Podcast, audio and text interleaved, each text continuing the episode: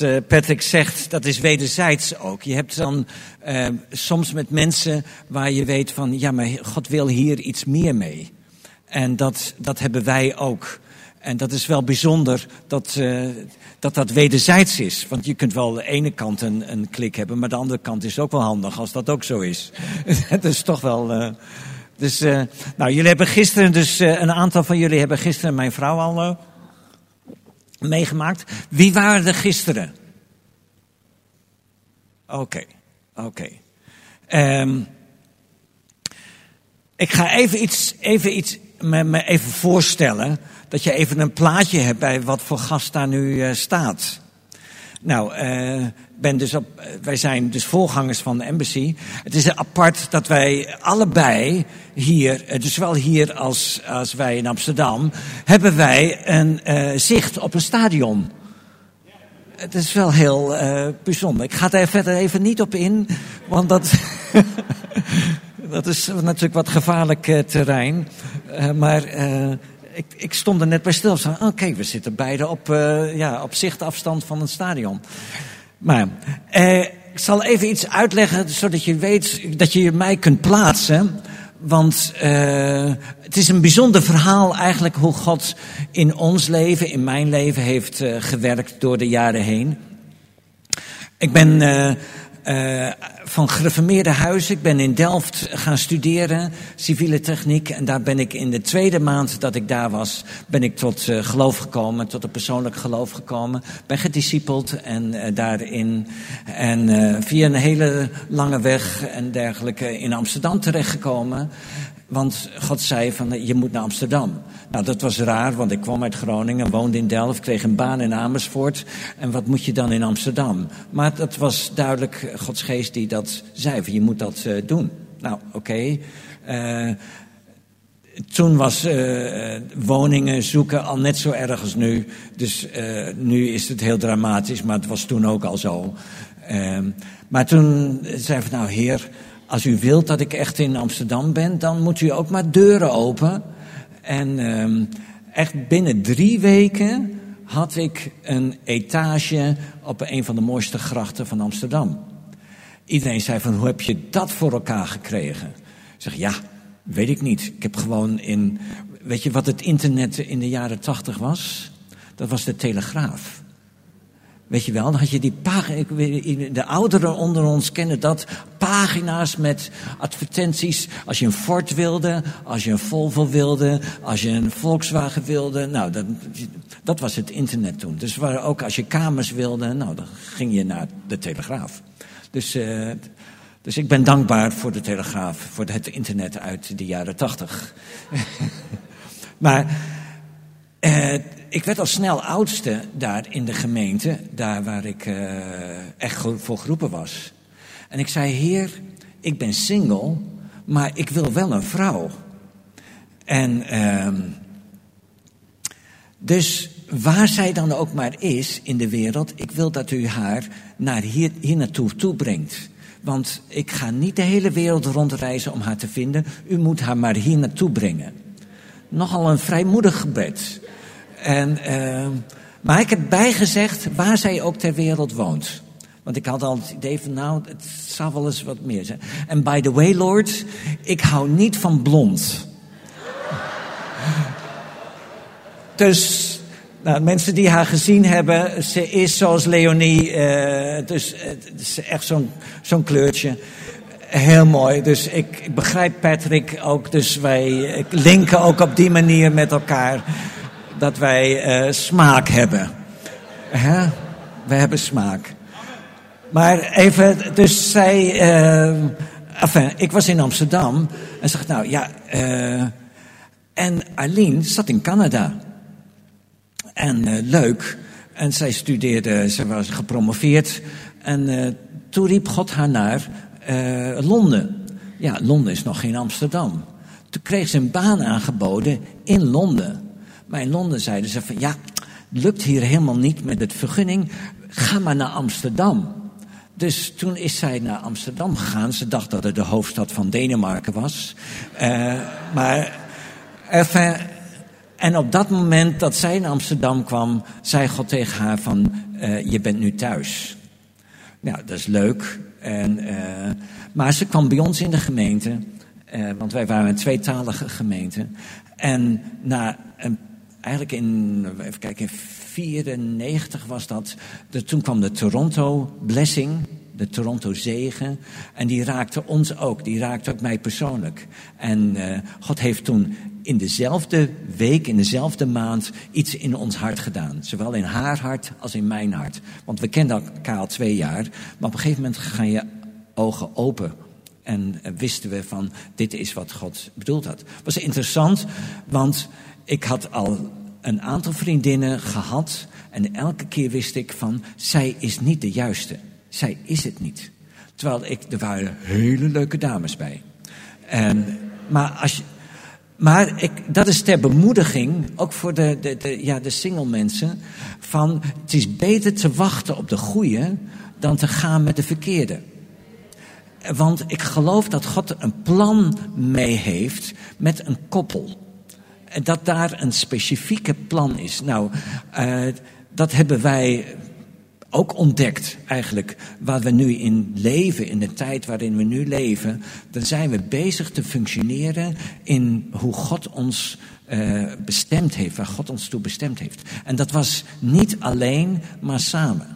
Dus je, dat is even ter uh, bemoediging. Dat is een, uh, een bonus, dat hoort niet bij de preek, maar dit is een bonus die je nu meekrijgt. Mee um, ik ga vandaag iets vertellen. Um, waar ik hoop dat je dat pakt, de, de impact daarvan pakt. En ik vond het wel mooi dat we net dat lied zongen, Jezus overwinnen. Want daar staat dan, zijn koninkrijk zal voor eeuwig zijn. Klopt hè, dat zingen we. Maar hebben we wel een idee wat dat is eigenlijk. En daar wil ik het vandaag even over hebben. Um, want dat staat in Daniel Daniel 7, zijn koninkrijk zal een eeuwig koninkrijk zijn. Nou, als we over koningschap praten, weet je wat een van de, de allergrootste koningen aller tijden was? Wie was dat? Dat was, nee, niet Salomo. Het was Nebukadnezar. Nebukadnezar, die was de, de, nou, een, een, een echt een grootmacht. Uh, uh, Poetin denkt natuurlijk dat hij een, een, een, een Nebuchadnezzar is, maar dat is hij helemaal niet. Um, trouwens, even ook uh, weer een extra bonus. Om te bidden voor deze situatie. Wij zitten hier in Nederland. Wij kunnen niet met z'n allen naar uh, Oekraïne gaan om daar te vechten en dat soort dingen. Maar wij kunnen wel vechten, en dat, dat is um, in, um, net als in de strijd met de Amalekieten. Wat, toen wij baden afgelopen week, weken, afgelopen anderhalve week, kwam God heel duidelijk zeggen van, dit is hoe je jullie hiervoor moeten bidden. En dat is het, het verhaal dat de Amalekieten het volk aanvallen. Joshua voert de strijd. En dan gaat Aaron met zijn staf omhoog. En Hur en, en uh, nee, sorry, Mozes gaat met zijn staf omhoog. En Hur en Aaron komen die ondersteunen. Ik geloof dat dit is een strijd die gaande is. Die is fysiek, maar is ook geestelijk. En we kunnen die twee niet van elkaar loskoppelen. En dus willen wij de overwinning zien, dan zullen wij moeten bidden. En dat kunnen we niet aan de Oekraïners of zo overlaten. Dat is een, iets wat wij uh, met z'n allen uh, doen. En dus, maar Mozes werd moe. Mozes werd moe. En dus hij zakte in. En ik denk dat dat onze, uh, zeg maar, moet zeggen, onze oproep is van laten wij niet moe worden. Laten wij niet moe worden, maar elkaar ondersteunen, zodat die staf geheven kan blijven, zodat die overwinning wordt behaald in de naam van Jezus. Zodat het voor zijn koninkrijk effect zal hebben, in plaats van dat het ons vernietiging en destructie zal brengen. Maar de sleutel ligt bij ons om te, uh, te, te bidden. Even terug, Nebuchadnezzar. Nebuchadnezzar dacht van zichzelf dat hij de allergrootste was. En dat eh, lezen we ook in, in Daniel. Uh, en dan het is eigenlijk maar één vraag. Wie heeft dan werkelijk de grootste macht? Nou, dat is duidelijk. Um, hij wordt dan vervloekt. Hij moet, wat gaat hij eten? Gras. Gras eten. Totdat u erkent dat de allerhoogste heerser is over het koningschap van de mensen. En dat geeft aan wie hij wil. Um, hij heeft een bijzondere droom. En ik heb, daar wil ik het eigenlijk e-, eerst even over hebben. Eh, Nebuchadnezzar heeft die droom. Weten we, ik, ik ga even terug even snel zeggen wat die droom is. Um, en eh, Daniel zegt dat. Hier keek u naar, koning. U keek eh, totdat er niet door mensenhanden een steen werd afgehouden. Die trof dat beeld. Dus we hadden, uh, Nebuchadnezzar had een groot beeld gezien. En er werd een steen uit de rots gehouden. Niet door mensenhanden. En die rolt naar beneden. En het hele beeld valt om. En dat uh, staat er ook. Het, uh, trof het beeld, voeten van ijzer en leem en verbrijzelde die. Toen werd het ijzer, leem, brons, zilver en goud uh, tegelijk verbrijzeld. En ze werd als uh, kaf op het dorsvloer. En de wind voert ze weg. Maar de steen die getroffen werd, werd tot een grote berg en vulde de hele aarde. En, um, en dan staat er in de dagen van die koningen zal de God van de hemel een koninkrijk doen opkomen dat voor eeuwig niet te gronden gaat waar de heerschappij niet op een ander volk zal over. Wat hij hier ziet, is eigenlijk de komst van de Heer Jezus. Hij zegt, er zal een, een rotsblok losgehouden worden. En die, al die wereldse koninkrijken, die zullen uh, tot kaf, zal niks meer overblijven. Nou, dat weten we. Van de Mede en de Persen en de uh, Babyloniërs. Er is niks van over. En dat zal komen en hij zal zijn koninkrijk vestigen. Dus Jezus, met de komst van Jezus, dat is heel belangrijk. Met de komst van Jezus is het koninkrijk gekomen. Niet wat sommige mensen zeggen van het koninkrijk komt wanneer Jezus terugkomt. Dat is dus niet correct. Het koninkrijk is gekomen op het moment dat Jezus op aarde is gekomen. Um, dus, nou kun je je voorstellen, waarom is dat zo'n big deal? Um, moet ik ietsje uitleggen? Even schetsen. God heeft de wereld gemaakt, heeft de aarde gemaakt. Hij heeft de uh, in vijf dagen heeft hij een prachtige aarde gemaakt met de apen, de giraffen en de, uh, de vlinders. En alles heeft hij gemaakt. En op de zesde dag maakt hij de mens. En dan staat er, hij maakt de mens naar zijn beeld. Naar zijn beeld schiep hij hen. En, uh, en dan zegt hij, dan zegt God van, nu is het aan jullie om over deze aarde te heersen. In het uh, Nederlands staat uh, uh, heersen. In het Engels staat let them have dominion. Of staat een let them rule. Of in het Amplified staat let them have the authority. Even helder. Wat er gebeurd is, er is een aarde gemaakt. En op dat moment maakt God een mens en die zegt van... nu mogen jullie hier heersen op de aarde. Dat is jullie taak nu. Waarom is dat zo interessant? Want op de duivel was er al. Die was al op de aarde. En dan maakt God de mens die hoger is dan de engelen. Hij maakt de mens die hoger is dan de engelen. En dan krijgt de mens de autoriteit om over de aarde te heersen. Dat vond hij niet leuk. Dat is een understatement. Hij vond dat niet leuk. En dus daarom gaat hij ook Adam en Eva verleiden. En dat weten we, dat is hem gelukt. Op dat moment kreeg hij de autoriteit. Zijn we er nog? Op dat moment, de, God zei in Genesis 1, vers 26, let them have authority. Dus eh, de mens, maar die autoriteit hebben ze verkwanseld en aan Satan gegeven, aan de duivel gegeven. En dan kun je zeggen van, ja, wat nu? Um, dat is dus een, een, een situatie. Nou, uh, hoe komen we daaruit? Nou, we weten dat dat door Jezus komt. Dan komt de Heer Jezus. En nu, ik vertel dit zodat wij helder hebben waarom uh, Jezus moest komen. En dat dat meer is dan alleen maar de zonde vergeven. Hij kwam voor meer dan alleen maar vergeving van zonde.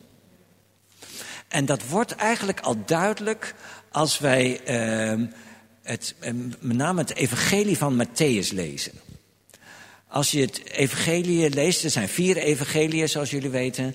Uh, elk heeft een beetje zijn eigen thema. Allemaal een beetje verschillende insteek. Uh, Johannes natuurlijk het, het, thema van de liefde. Maar Matthäus is het evangelie van het koninkrijk. Als je een, search doet, uh, dan zie je ook dat van de 50 keer dat er over het koninkrijk gesproken wordt, er 25 keer in het Matthäus-evangelie staat. Dus Matthäus is echt het evangelie van het koninkrijk. Uh, wat zie je in Matthäus 4? Matthäus 4 is het verhaal van de verzoeking in de woestijn. Oftewel, helemaal aan het begin, Jezus is gedoopt en dan wordt hij uh, in de woestijn uh, geleid en dan wordt hij verzocht. En dan wordt hij door drie dingen uh, verzocht. Maar ik ga het nu over de derde verzoeking hebben. Wat is de derde verzoeking? Dan staat er, um, opnieuw nam de duivel hem mee, nu naar een zeer hoge berg. En hij liet hem alle koninkrijken van de wereld uh, zien, met hun heerlijkheid, en zei tegen hem, dit alles zal ik u geven als u knielt en mij aanbidt. Nou, dit is me nogal een verzoeking. Je moet rekenen, Jezus wist dat hij gekomen was om het koninkrijk van God weer op aarde te vestigen. Hebben we net in Daniel gezien. Hij moest, ja, het, zijn komst was het, de komst van het koninkrijk. Maar hij wist ook dat hij naar het kruis moest gaan. Om dat weer terug te krijgen. En dan is er hier een duivel die zegt van... Haha, je hoeft helemaal niet naar het kruis. Niet dat de duivel dat wist, maar uh, Jezus wel. Je hoeft niet naar het kruis te gaan. Ik bied het je zo aan. Je hoeft alleen maar voor mij te knielen. En dan geef ik je al die koninkrijken. Nou, als je, je, denkt misschien dat is niet het koninkrijk der Nederlanden en Denemarken en Noorwegen. Dat zijn de koninkrijken, zijn de, hoe moet je dat voorstellen? De, de, de systemen waarin we zitten. Dat kan uh, zeg maar de overheid zijn, de, de zorg, de familie, uh, de, um, wat hebben we nog meer? Business. Gewoon al die invloedssferen hebben allemaal een eigen systeem, een eigen macht, een eigen koninkrijk. En die hebben allemaal een heerlijkheid. En dus dat is wat Satan zegt. Van, nou, je, je kunt ze allemaal van mij krijgen, uh, want ik ben daar nu de baas. Uh, je, hoeft ze, je krijgt ze van mij, je hoeft alleen maar te knielen. Kun je je voorstellen wat voor verzoeking dat voor Jezus was? Dan hoefde hij namelijk niet naar de kruis te gaan. En hij kreeg ze zo op een, ja, een dienblad. Ja, presenteerblaadje. Het interessante is dat Jezus dan niet zegt van, jij leugenaar, jij, bent, jij hebt helemaal geen autoriteit. Dat zegt hij niet. Hij zegt, nee, ik kniel niet voor jou. Hij zegt niet, je hebt die autoriteit niet. Uh, want bij, ook hierin zien we, hij, uh, Hij spreekt de waarheid. Dat is met die andere twee verzoekingen ook. Van als jij uh, hier af zal springen, dan zullen de engelen komen. Is dat waar? Ja, dat is zo. Dus we zien hier dat de, de duivel de waarheid spreekt in, in die relatie met Jezus. Maar, en dat Jezus niet hem ontkent. Wanneer doet hij dat wel? Nou, dat koningschap, die autoriteit is verloren gegaan door de mens, Adam en Eva. Is verloren gegaan. En die wordt ook door de mens, Jezus, terug ja, veroverd, als het ware. En uh, vandaar dat wij, als je dan. Uh, wanneer heeft Jezus dat teruggewonnen? Door zijn kruis en de opstanding. Dat is het moment dat hij het teruggewonnen heeft. En vandaar dat je ook in Matthäus 28, als we het toch over het uh, Matthäus hebben, in Matthäus 28 staat dan ook, uh, dan Jezus kwam naar de discipelen toe, spreekt hen, en dan zegt hij, mij is gegeven alle macht. Klopt hè? Mij is alle macht, in de hemel en op de aarde. Wanneer is hem dat gegeven? Bij zijn geboorte? Nee. Dat is hem gegeven op het moment dat, uh, dat hij gehoorzaam was, aan het kruis ging en, um, en in, uh, opgestaan is uit de dood. Dus die, Jezus heeft die macht gekregen, die autoriteit gekregen. En dan, dus in Matthäus 28 zegt hij tegen zijn discipelen, dat die apostel waren, daar ga ik zo over hebben. En zegt van, nu maak alle volken, maak Nederland, maak Suriname, maak Frankrijk, maak Denemarken, maak Engeland tot mijn discipelen. Dat is de opdracht. Met andere woorden, wat in Genesis 1, vers 26 staat, van jullie hebben de autoriteit om impact, om de wereld tot iets moois te maken.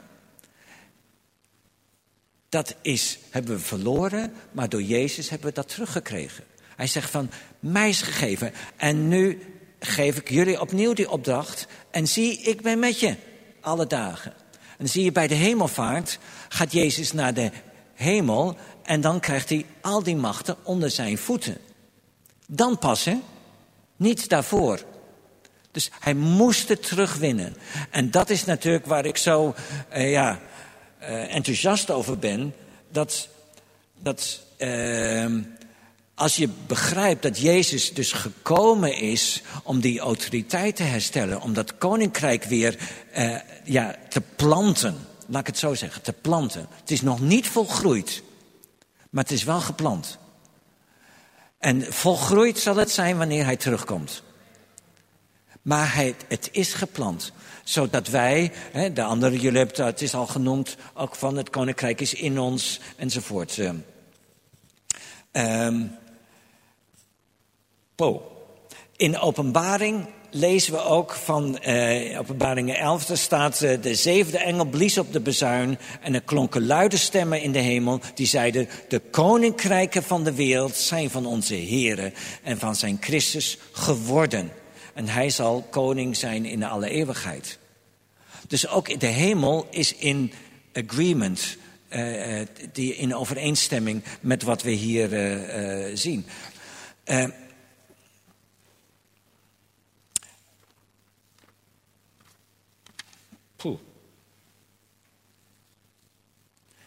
Kijk, in Lucas, daar staat. Um, dan, zegt, dan stuurt, uh, Matthäus ook, Matthäus 10 ook, en Lucas uh, uh, 6, 4, 4 staat het ook, dat hij zijn discipelen uitstuurt. En wat zegt hij dan? Ga heen uh, en uh, predikt het koninkrijk. Hij zegt ook, hij zei tegen hen, ik moet ook naar de andere steden gaan, het evangelie van het koninkrijk uh, van God verkondigen, want daartoe ben ik uitgezonden. Dus Jezus wist heel duidelijk van, ik ben geroepen om het evangelie van het koninkrijk te brengen. Wat dus niet hetzelfde is als de evangelie van verlossing. Is dat dan fout? Nee, dat is ook super, maar dat is maar een klein deeltje. En ik wil daar iets uh, over zeggen, namelijk als dat. Um, kijk, al zo lief, uh, Jonas 3, vers 16. Iedereen kent dat uit zijn hoofd, hè? Al zo lief heeft God de kerk gehaald dat hij zijn enige geboren zoon gegeven heeft. Omdat alle gemeenteleden naar de hemel kunnen gaan. Oh, ik hoor wat geroezemoes. Men, men is het er niet mee eens. Nee. Al zo lief heeft God de wereld. Nou, wat is dat woord wereld? Dat is de kosmos. Dat staat het letterlijk, het woord kosmos. God heeft de hele kosmos lief gehad. En heeft daarom zijn zoon gestuurd. Interessant. Hoezo? Omdat niet de apen en de giraffen en de vlinders en, en de koeien en de schapen hebben gezondigd. Nee, de mens heeft gezondigd. Daarom, om de, de hele kosmos te redden, moest de mens weer verzoend worden met God. Al zo lief heeft God de hele wereld gehad, de kosmos gehad, opdat ieder die in hem gelooft, gered zou worden, eeuwig leven zou krijgen. Dus wij moesten gered worden. Niet de apen en de leeuwen en dat. Nee, wij moesten gered worden. Want wij hadden gezondigd. Maar de hele kosmos heeft wel te lijden gehad. Dus de hele wereld heeft te lijden gehad onder het feit dat wij uh, gezondigd hebben. En om maar even, even aan de, uh, dat onder de aandacht te brengen. Dat is Gods bedoeling al door geweest. Om de hele kosmos te redden. En daar zijn wij nu uh, onderdeel van om dat uit te voeren. Uh, in Colossense 1, uh, door hem zijn alle dingen met hem verzoend. Um, in Efeze 1 ook, dat de bedeling van de volle tijd alles weer in Christus bijeen zou brengen. Niet iedereen, nee, alles. Dus Gods bedoeling is veel ruimer dan alleen maar de mensen fijn dat je uh, gered bent, fijn dat je een ticket naar de hemel hebt. Uh, nee, wij hebben een veel grotere opdracht, want die opdracht in Genesis 1 um, is nooit herroepen. Goed te realiseren, die opdracht in Genesis 1, vers 26, is nooit door God herroepen. Zeg van, uh, uh, oh sorry jongens, jullie hebben het helemaal verprutst. Nou, dan moet je maar wachten tot ik terugkom. Nee, die opdracht is er nog steeds. En Matthäus 1 vers 28 is in feite weer opnieuw van ja, dat is nog steeds uh, geldig. Dus vandaar dat het, dat geeft een veel bredere betekenis uh, aan dat uh, begrip. al zo lief heeft God de wereld gehad. En dus niet alleen de mensheid, de wereld.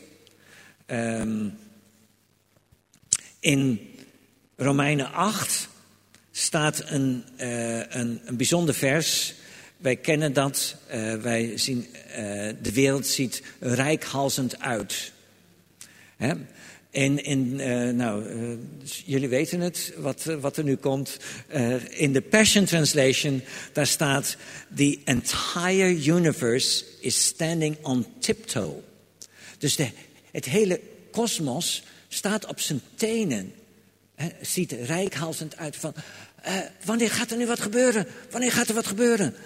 Yearning to see the unveiling of God's glorious sons and daughters. Dus dat de sluiers van ons als zonen en dochters afgehaald worden.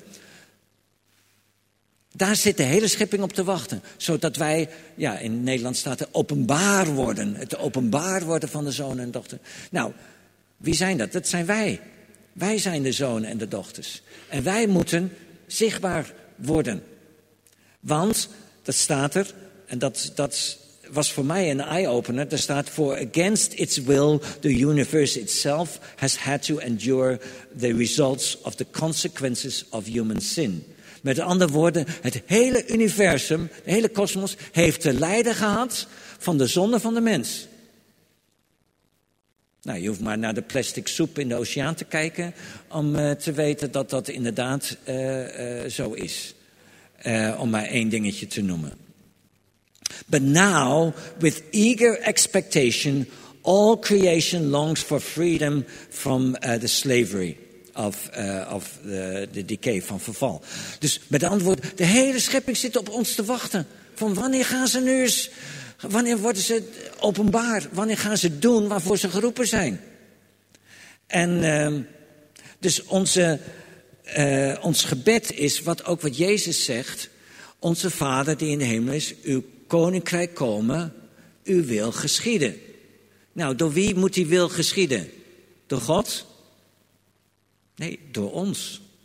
Wij zijn degene die die wil moeten geschieden. Uw koninkrijk komt doordat uw wil wordt gedaan. Zo zou je het kunnen bidden. Uw koninkrijk komt doordat uw wil wordt gedaan. Dus daarom uh, is het aan ons de opdracht om uh, echt Gods koninkrijk zichtbaar te maken. En dat kan iedereen op zijn of haar uh, plek uh, doen ben zelf uh, heel druk bezig met uh, al, al op de, klinkt wat raar, maar op de wallen. en daar werk ik samen met Frits Rauwvoet van Bright Fame om uh, de vrouwen uit de prostitutie te halen en te voorkomen ook dat ze in de prostitutie komt, komen, dus vanuit Moldavië of uh, Roemenië of Bulgarije, dat die vrouwen niet uh, deze kant op komen. Nou, dat soort zaken. twee jaar geleden toen de lockdown kwam, toen ehm, was het super stil op de Wallen want alle ramen waren dicht, alle toeristen waren weg. En uh, dus zijn, uh, zijn wij elke vrijdag gaan bidden op de wallen. Elke vrijdag hebben we langs alle ramen gelopen. Uh, en um, Frits kende de, de, namen van de meeste vrouwen. En zegt, nou, dit is het raam van Natasja. En dan gaan we voor haar bidden, dus dan baden we daarvoor. En soms uh, maakte hij een foto en die appte dan die foto naar haar toe. En zegt van, nou, Natasja, we staan nu voor jouw raam te bidden. Ja, eh, antwoordde ze, bid maar dat ik nooit terugkom. Uh, de heer... En dus we hebben enorme veranderingen gezien. Gewoon door onze plaats in te nemen. was een nieuwe brug op de oude Zijdse Achterburgwal. Zeggen we, Heer, ik proclameer dat dit gebied niet meer teruggaat naar het oude. Want we leven nu in een tijd dat uw wil geschieden. Dus snap je hoe je. Uh, dus een hele, als jij weet dat dat jouw autoriteit is, dan bid je niet, oh Heer, wilt u alsjeblieft die arme vrouwen beschermen? Uh, ja, is dat fout? Nee, het is niet fout om zo te bidden. Maar dat is niet in de autoriteit staan die God je gegeven heeft. Als, het, als Jezus aan het kruis gegaan is en heeft zijn autoriteit hersteld. En wij hebben nu zijn geroepen om zonen en dochters te, te worden, dan moeten wij openbaar worden. En dan spreek je spreek je tot de, de, de, de, de ramen, dan spreek je tot de grachten, dan spreek je tot uh, de stad. Dan zeg van, jullie zullen veranderen, dit zal veranderen, omdat dit Gods wil is. Gods wil, Gods troon is gebouwd op recht en gerechtigheid. Dus snap je hoe je verandert dan daarin, in, je, in de manier waarop je bidt, als je weet welke autoriteit je hebt gekregen dan bid je dus niet meer de zielige gebeden. Oh Heer, het is zo zielig voor deze vrouw of, uh, dat ze dit en... Tuurlijk, het is het vervelend en we helpen ermee, maar dit zal stoppen. En er zal een oplossing komen, er zal een doorbraak komen enzovoort. Uh, dit is even een, uh, om, om even aan te geven dat je dus op die manier uh, verandering brengt op basis van de autoriteit die God je gegeven heeft. En dat heeft te maken met jouw roeping en bestemming. En ik, uh, ik wil iets zeggen over de bestemming van de Heer Jezus. Um, er staat in uh, Zacharia, daar staat het verhaal dat, uh, dat er goud komt en zilver komt van de uh, Joden die in Babylon zitten. Die worden gebracht naar Jeruzalem. En dan staat Zacharia die zegt van als zij aankomen, moet jij ze ontmoeten in het huis van Josia. Je moet het uh, accepteren en je moet er een kroon van maken. En die kroon moet je zetten op het hoofd van uh, Yeshua. Yeshua. Dus de zoon van Jehozadak. Dus de zoon van de hoge priester, die krijgt een kroon. Die heet Yeshua. Dat is natuurlijk wel heel symbolisch, hè? Um, en dan moet je hem zeggen van, dit is wat de God Almachtige zegt. Hier is uh, een man die heet de branch, de, de, de tak. En hij zal uh, vertakken en hij zal de tempel bouwen. En hij zal de tempel of de, uh, de, de Heer bouwen. En dan staat er, en ik lees het even hier in deze vertaling. Then he will receive royal honor and will rule as a king from his throne. He will also serve as priest from his throne. En dan komt het. And there will be perfect harmony between his two roles. Dus even kort. Jezus is priester en hij zal als priester dienen op zijn troon en hij is koning en hij zal als koning regeren op zijn troon en er is perfect harmony between his two roles.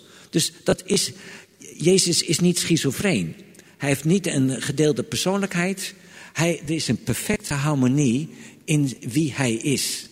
Hij is en uh, uh, koning en priester.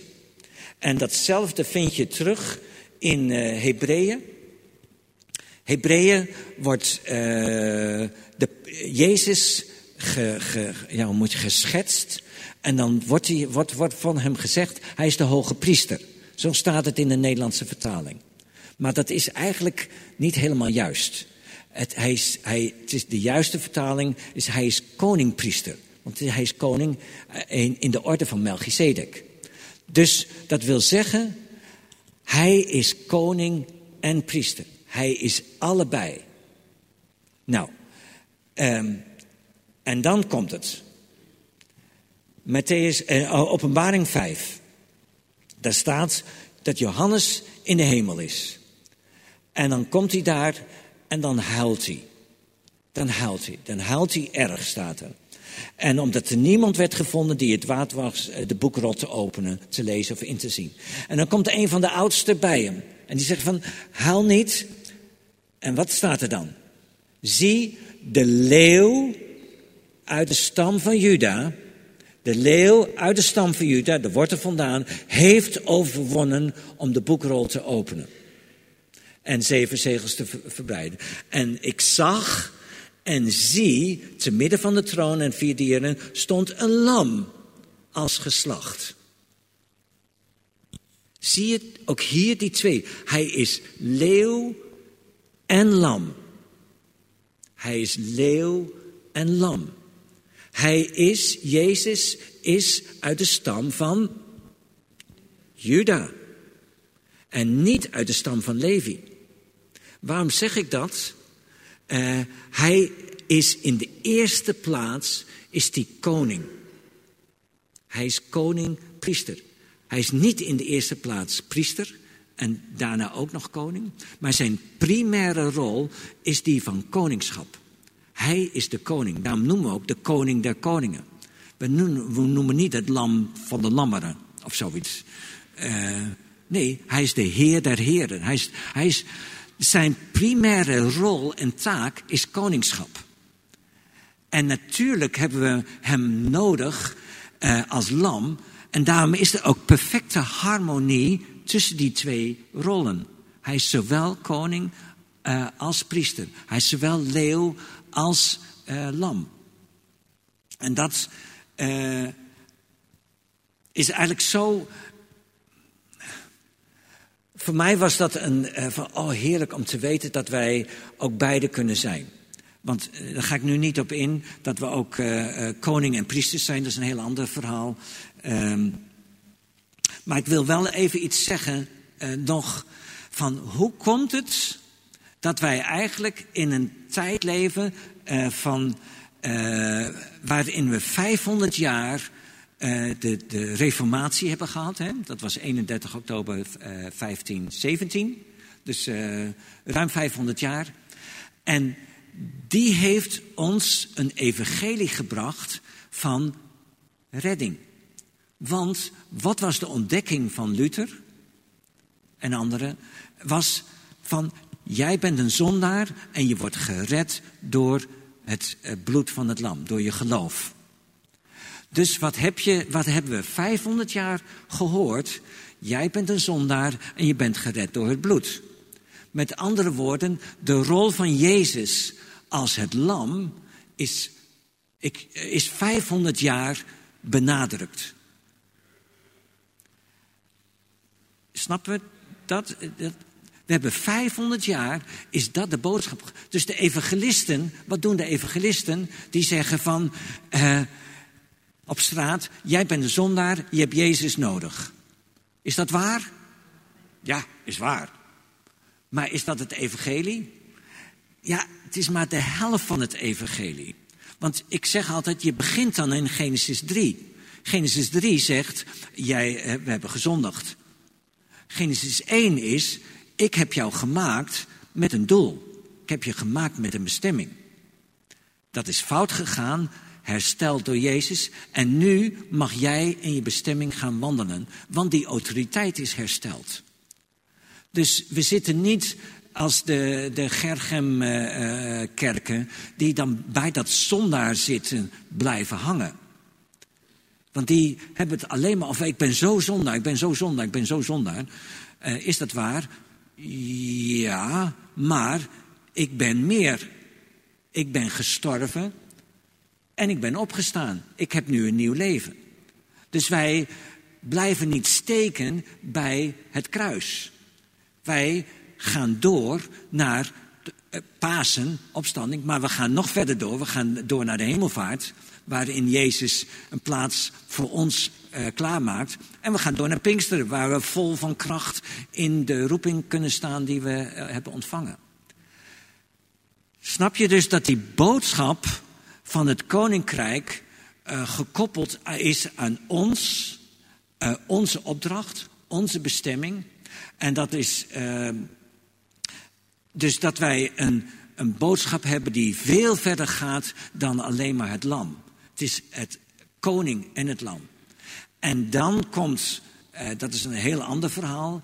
Waarom heb je dan apostelen nodig? Eh, want we hebben eigenlijk 500 jaar herderschap gehad. 500 jaar zijn de herder en de leraar zijn dominant geweest in de christelijke eh, wereld. En nu zitten we in een verandering dat die boodschap van het koninkrijk opnieuw ontdekt wordt. Maar dan heb je ook een ander leiderschap nodig. Het zijn niet de herders en de leraren die dat kunnen uh, bewerkstelligen. Het zijn de apostelen en profeten die dat doen. En want, wat is een apostel? Even heel kort. Apostel is een gezondene, hè, dat weten we. Uh, dat is wat uh, over het algemeen ja, dat is een gezondene. Nou, vroeger dacht ik, ja, die is door Antiochieën of door Jeruzalem gezonden of zoiets. Nee, Jezus noemde zijn discipelen apostelen. En ik denk dat ze van een stoel vielen. Ik weet niet of ze stoelen hadden toen. Maar uh, weet iemand, ze lagen aan tafel. Dus ik, ik weet niet, ze, ze zaten niet aan tafel. Ze lagen aan tafel. Dus ik weet niet of ze stoelen hadden toen. Maar ze vielen er in ieder geval vanaf. Want een apostel was namelijk een, een Romeinse legerofficier. Die door de keizer was uitgezonden om uh, de cultuur van Rome te brengen in veroverd gebied. Dus als wij als apostelen zijn wij geroepen om de cultuur van Gods koninkrijk te brengen in de wereld om ons heen. En dat, snap je nu, dat die, die boodschap van het koninkrijk gekoppeld is ook aan nieuw leiderschap aan leiderschap van apostelen en profeten. Om die stem van God te verstaan. Dat staat in Efeze ook van uh, apostelen en profeten zijn degenen die de openbaring ontvangen. En in uh, Korinthe staat ook, het is, de gaven zijn gegeven in de eerste plaats aan apostelen, tweede aan de uh, profeten, derde aan de leraren.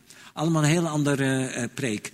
Maar om aan te geven, wij zitten nu in een tijd van grote transitie. Van overgang van het oude naar het nieuwe.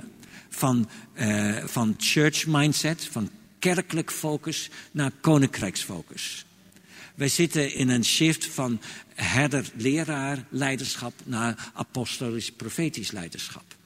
Die, dat hoort allemaal bij elkaar. Dat is het hele plaatje. Dus, uh, en dat is ook mijn, zeg maar, mijn, ja, mijn boodschap die ik bij jullie neerleg. Van laten we diep doordrongen zijn van het feit dat Jezus in de eerste plaats koning is. Hij is in de eerste plaats leeuw en dan het lam. Dat betekent, hij heeft onze autoriteit teruggegeven, zodat wij kunnen gaan opstaan. En uh, daar, nou, daar laat ik het even bij. Uh, we zijn, er is nog heel veel meer over te zeggen, maar dat komt een andere keer wel. Ik hoop dat dit uh, zo.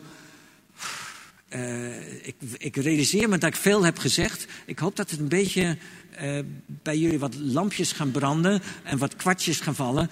Ja, we hebben die uitdrukking kwartjes vallen, maar we hebben geen kwartjes meer tegenwoordig. Dus ik weet niet meer wat we moeten nu zeggen. Eurotjes vallen of zo. Uh, dus, maar oké.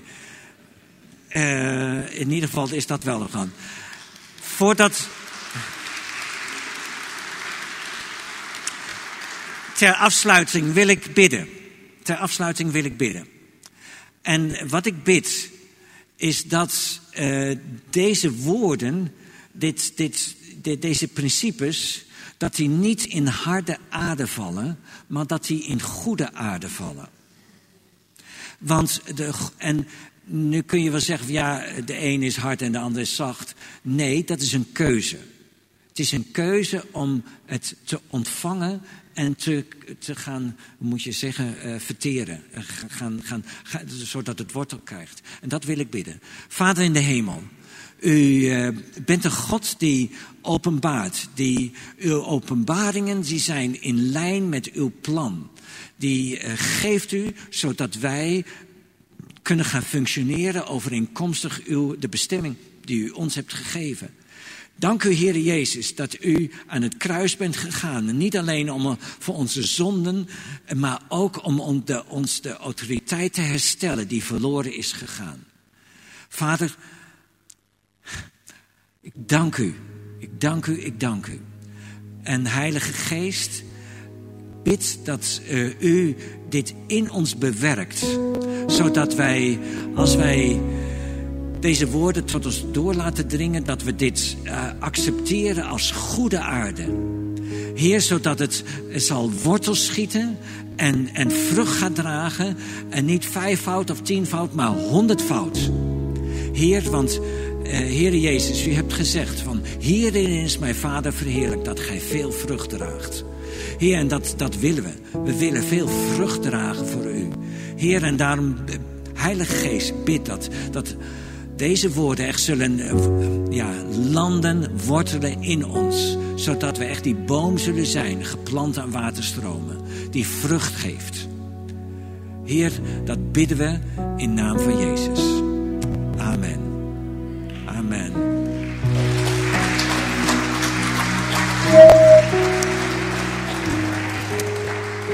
Ik spreek nu ook even de zegen uit voor ook mensen hier, maar ook uh, mensen die kijken.